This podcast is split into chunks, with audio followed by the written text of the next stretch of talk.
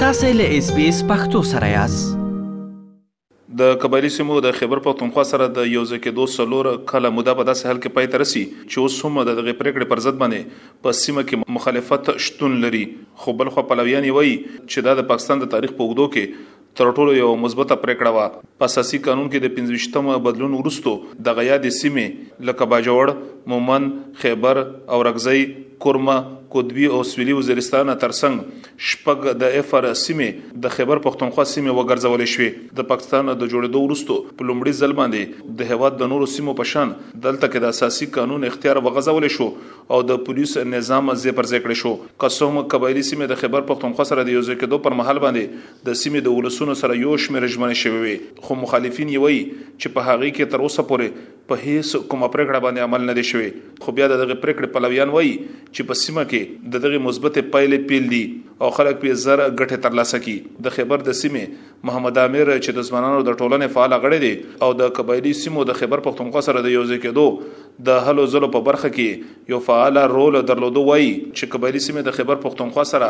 د یو ځای کېدو دغه یو اساسي ګام وو او د دې ګټې ترلاسه کېدل خلکو ته شروع شوي دي. دا یو بهترین ګام اوچت شوی دی چې قبایلي سیمې په خیبر پښتونخوا کې ضم کړی شوې او تر ننه پورې څه څیزونه داسې دي چې د هغوی ډایرکټ فایده چې د هغه قبایلو ته رسېدلې ده چې په هغې کې ټول نه مهم چې دی هغه د صوبایي اسمبلۍ الیکشن او بیا د هغې نه بعد چې دی د عدالتونو رسایي چې د هغه وعدې نه سره سره چې دی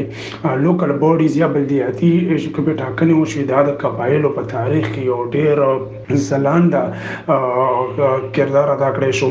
د سره سره چې دی چې کوم اوس پورې په ګراوند باندې نه ولیدلی چې کوم تحصیل میونسپل اډمنسټریشن دی هغه تراوي د سره سره چې زموږ په ایجوکیشن کې وګوره نو په ډیر غټ توګه باندې چې دی تیر حکومتونو سره کوم کمپیریزن وکړو موازنه وکړو نو د مرجر نه بعد څه دی په تعلیمي میدان کې ډېرې زیاتې برتیانې وشي استادان پر برتي کړی شو او سکولونو ته چې کوم پیرنټ ټیچر کونسل په ترو باندې چې دی خو کافي فندونه ملو شو چې دا یو ډېر ښه ګام دی د سره سره چې دی مونږ وګورو قبایلی سیمو کې چې دی په نسبت د تیرو وختونو اوس داسې معمولی شان غوندې چیکن بیلنس راغلی دی چې هلته لږه چیکن بیلنس ساتل کېږي مانیټرینګینګ کېږي ډېر ښه نه دی خو د تیرو په وختونو په مناسبت سره چې دی هغه ډېر حده پورې چې دی یو ښه قدم دی حاجي بسم الله خان افریدي د قبایلي سیمې د قامي مشرانو د هغې ډلې یا د قبایلي جرګې مشر دی. چې قبایلي سیمې د خیبر پښتونخوا سره د یوځای کېدو په مخالفت کې دي. حاجي بسم الله خان د ایس بي ایس راډیو سره په ځانګړو خبرو کې وویل چې د یادو سیمو هویت د بدلون سره د سیمې دود دستور تر خپو لاندې شوی دی چې د پېړیو راهسې یې دلته کې شتون درلودو. چې ټولو نه غټه خبره خو دا ده چې موږ یې شناخت ورکړی دی قبایلو. خیبر پښتونخوا چې اوس نامه یې ولا ویرکړې صوبه سرحد ولا تقریبا شپېته کاله یې ته جدوجهد وکړلو او یوه نامه یې وګټله ځان له په آئین شک نمبر 1 او ذیل شک نمبر 3 کې مونږ د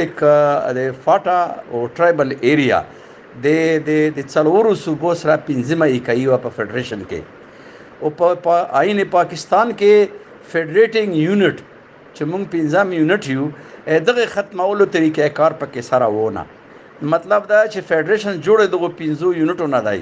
نو دوی مونږ یو یونټ ختم کړو مونږ هغه اندرونی ازادي ختم کړه اما رسم او رواج ختم کړو اما جرګه ختم کړه اما د 50000 کالو راس چې کوم دوز دستور هغه ټولیر لا ختم کړ نو په دا وجه باندې د انضمام مخالفت کوو او دغه سره سره قومي اسمبلي کې او په سېنېټ کې یې مونږ هغه سېنېټ خو یې مونږ بیخي چور ختم کو سیټونه یې بیخي ختم کړل او د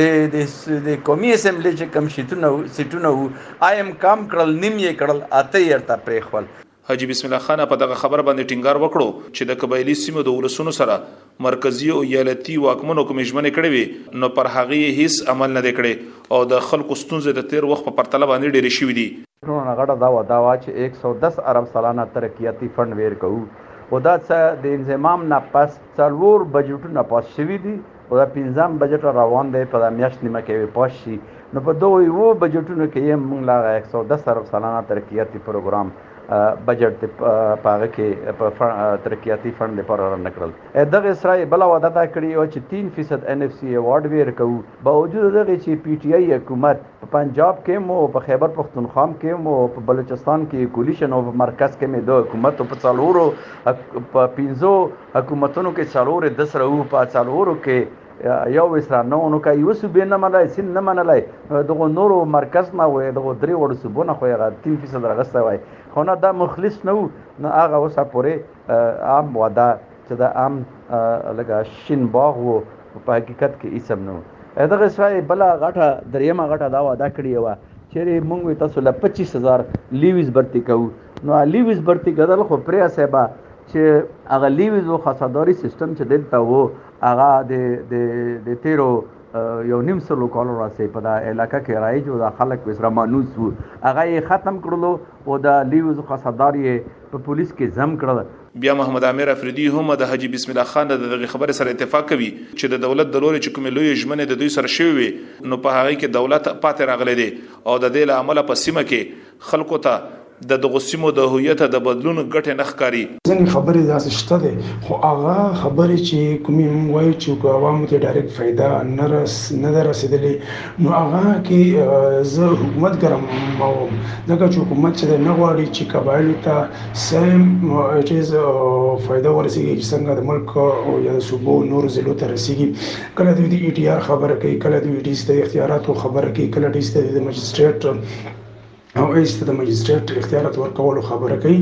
نو دا خبرې دا سدي چې سره قبایلو چې کوم هغه امیدونه دي هغه ماتي نو زه به دا وایم چې کوم پولیس نظام دی عدالتي نظام دی لوکل باډیز سره کوم فندونه ملایويږي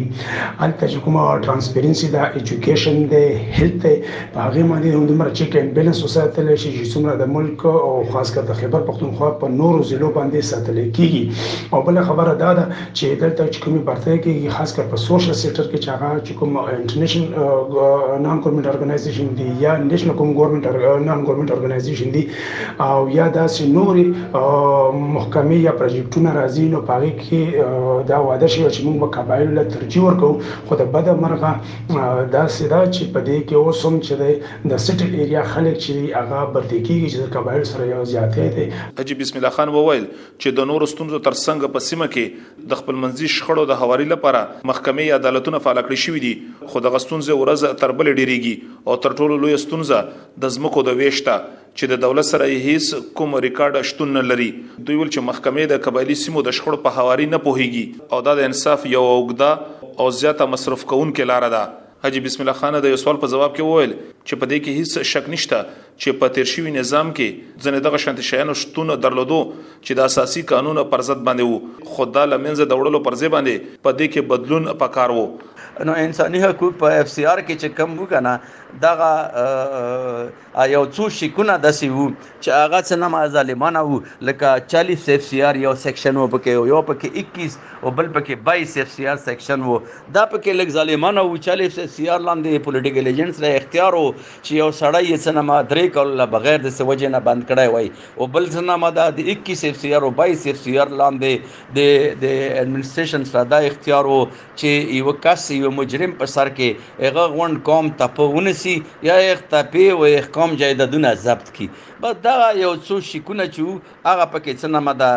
ظالمانه وو نور خو پکې د انساني حقوق باندې څه پابندي نه وه د د دا پابندي په نه وه چې های کورټ ته نه وي سپریم کورټ ته نه وي او موږ هم په خپل په اف سی آر کې اصلاحات غوښتل په دا اصلاحاتو کې موږ خو دا ویل چې موږ له لکه څنګه سوا سوات ما اغلا د پټاله هغه جوړه کړې و دارالقضا یې جوړه کړې ده په منګوره کې بنچ جوړ کړی پېښور هاي کورټ لاندې داسې د موږ لم یو رواج بنچ جوړ کړی وایي موږ رواج لاندې وې دلته څنګه محکمې فیصلې کېدای او د د هاي کورټ په سطح باندې فیصله کېدای داسې وې ځنه سپریم کورټ په سطح مې موږ رواج لاندې فیصله کېدای امیر افریدي وایي چې اوس دولت له پکار دی چې په خپلو ژمنو باندې وفا وکړي او د قبایلي سیمو د ولسونو سره چې کومې وعدې شوې دي، هغه دې پوره کړي. په فوري تور باندې دې قبایلي سیمو ته چې کومه این ایف سي ای واړ حصه ده، هغه ورکړی شي. هلته دې ډیولپمنټ کارونو باندې چیک اینډ بیلنس وساتل شي، ټرانسپیرنسي دې راشي، په قبایلي سیمو کې دې هایر ایجوکیشن لپاره چې دی انسټیټوټ کولاو کړی شي. دې سره سره قبایلی سیمو ځوانانو لپاره تعلیم یافته نوجوانانو لپاره چې دی روزګار مواقع ورکړي شي او سره سره چې د سکالرشپ چې دی هغه قبایلی سیمو ته چې دی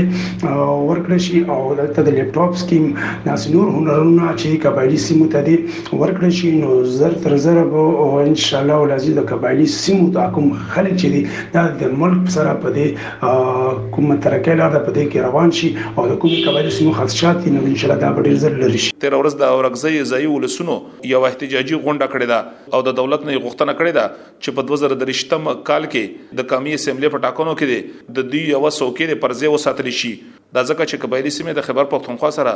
د یوځای کېدو د پرېکړې نه وروسته د دغو یادو سیمو په قامي اسمبلې کې د دولس څوکو پر ځای باندې بشپږه پاتې شي او دغه شانتې د سنا په مجلس کې د دغو یادو سیمو څلور څوکې به له منځه ولاړې شي اسلام ګل افریدي اس بي اس رادیو پېښور که غواړئ دغه سنوري کیسې هم او رینو د خپل پودکاسټ ګوګل پودکاسټ یا هم د خپل خاكي پر پودکاسټ یو اورئ